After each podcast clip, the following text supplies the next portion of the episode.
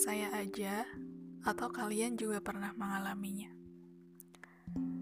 Tentang mengungkapkan perasaan.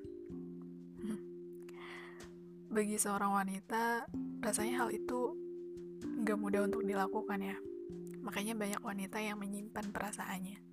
Perasaan sukanya, diam-diam gitu. Tapi saya beda. Saya termasuk yang berani melakukan hal itu dan saya pernah melakukannya. Karena saat itu perasaan saya sedang sangat menggebu-gebu sekali.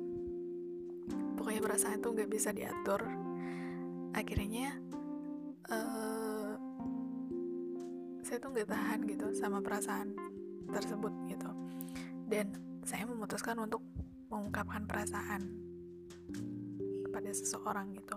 Walaupun hal itu sudah saya pikirkan jauh-jauh hari ya ini gimana nih resikonya kalau misalnya saya mengungkapkan perasaan ini kepada orang tersebut gitu?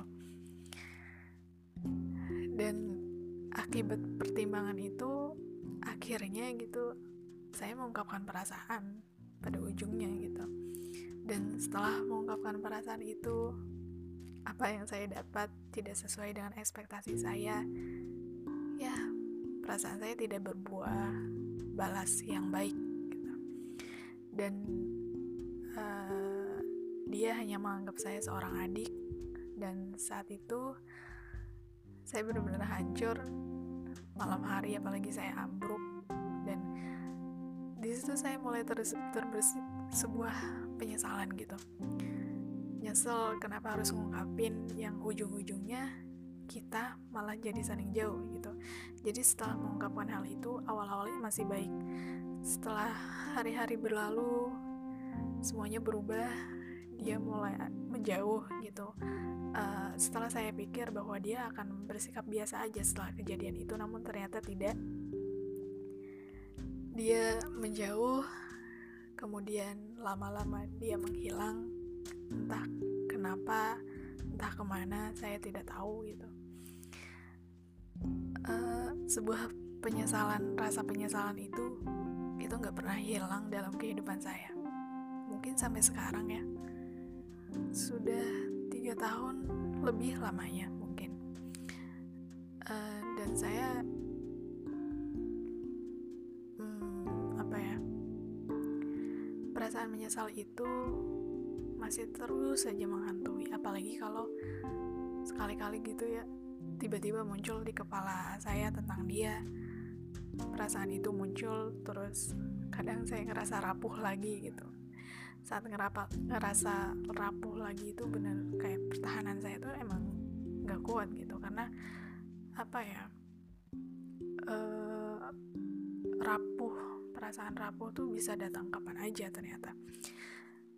Dan hal itu kenapa rasa penyesalan itu tumbuh? Selain dari saya nyesel kenapa harus ngungkapin perasaan juga karena setiap kali saya minta maaf ke dia karena udah melakukan hal itu dia nggak pernah bener-bener maafin saya. Dia cuma jawab iya dan hal itu membuat saya nggak puas gitu dengan uh, balasan dari maaf saya. Jadi seolah saya itu tidak pernah dimaafkan gitu. Jadi itu yang membuat saya menyesal sampai sekarang.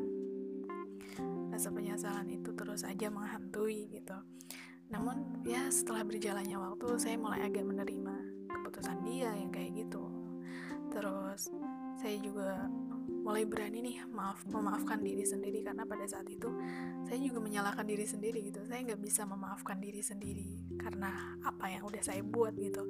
Tapi sekarang ya saya berusaha untuk berani untuk memaafkan diri sendiri dan saya menanamkan dalam diri saya bahwa ini proses kehidupan gitu rasa penyesalan itu akan datang kapan aja, di mana aja atas hal apa pun gitu.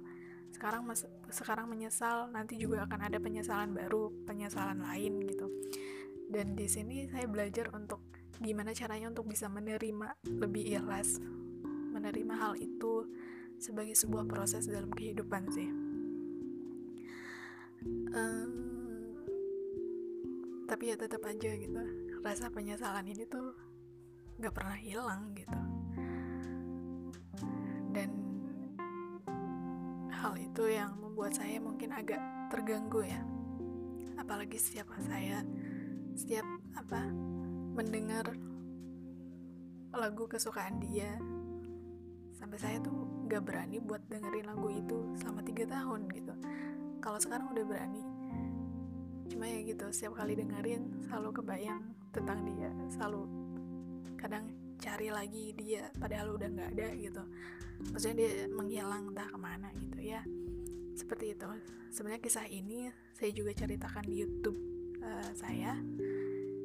Yang judulnya itu setelah tiga tahun itu. Itu di uh, bagian dari kenapa rasa penyesalan ini ada gitu. Ya itu sih.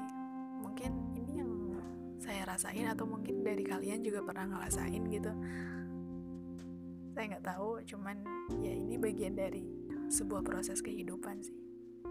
Jalanin dan ya kita belajar untuk ikhlas. Hmm, semangat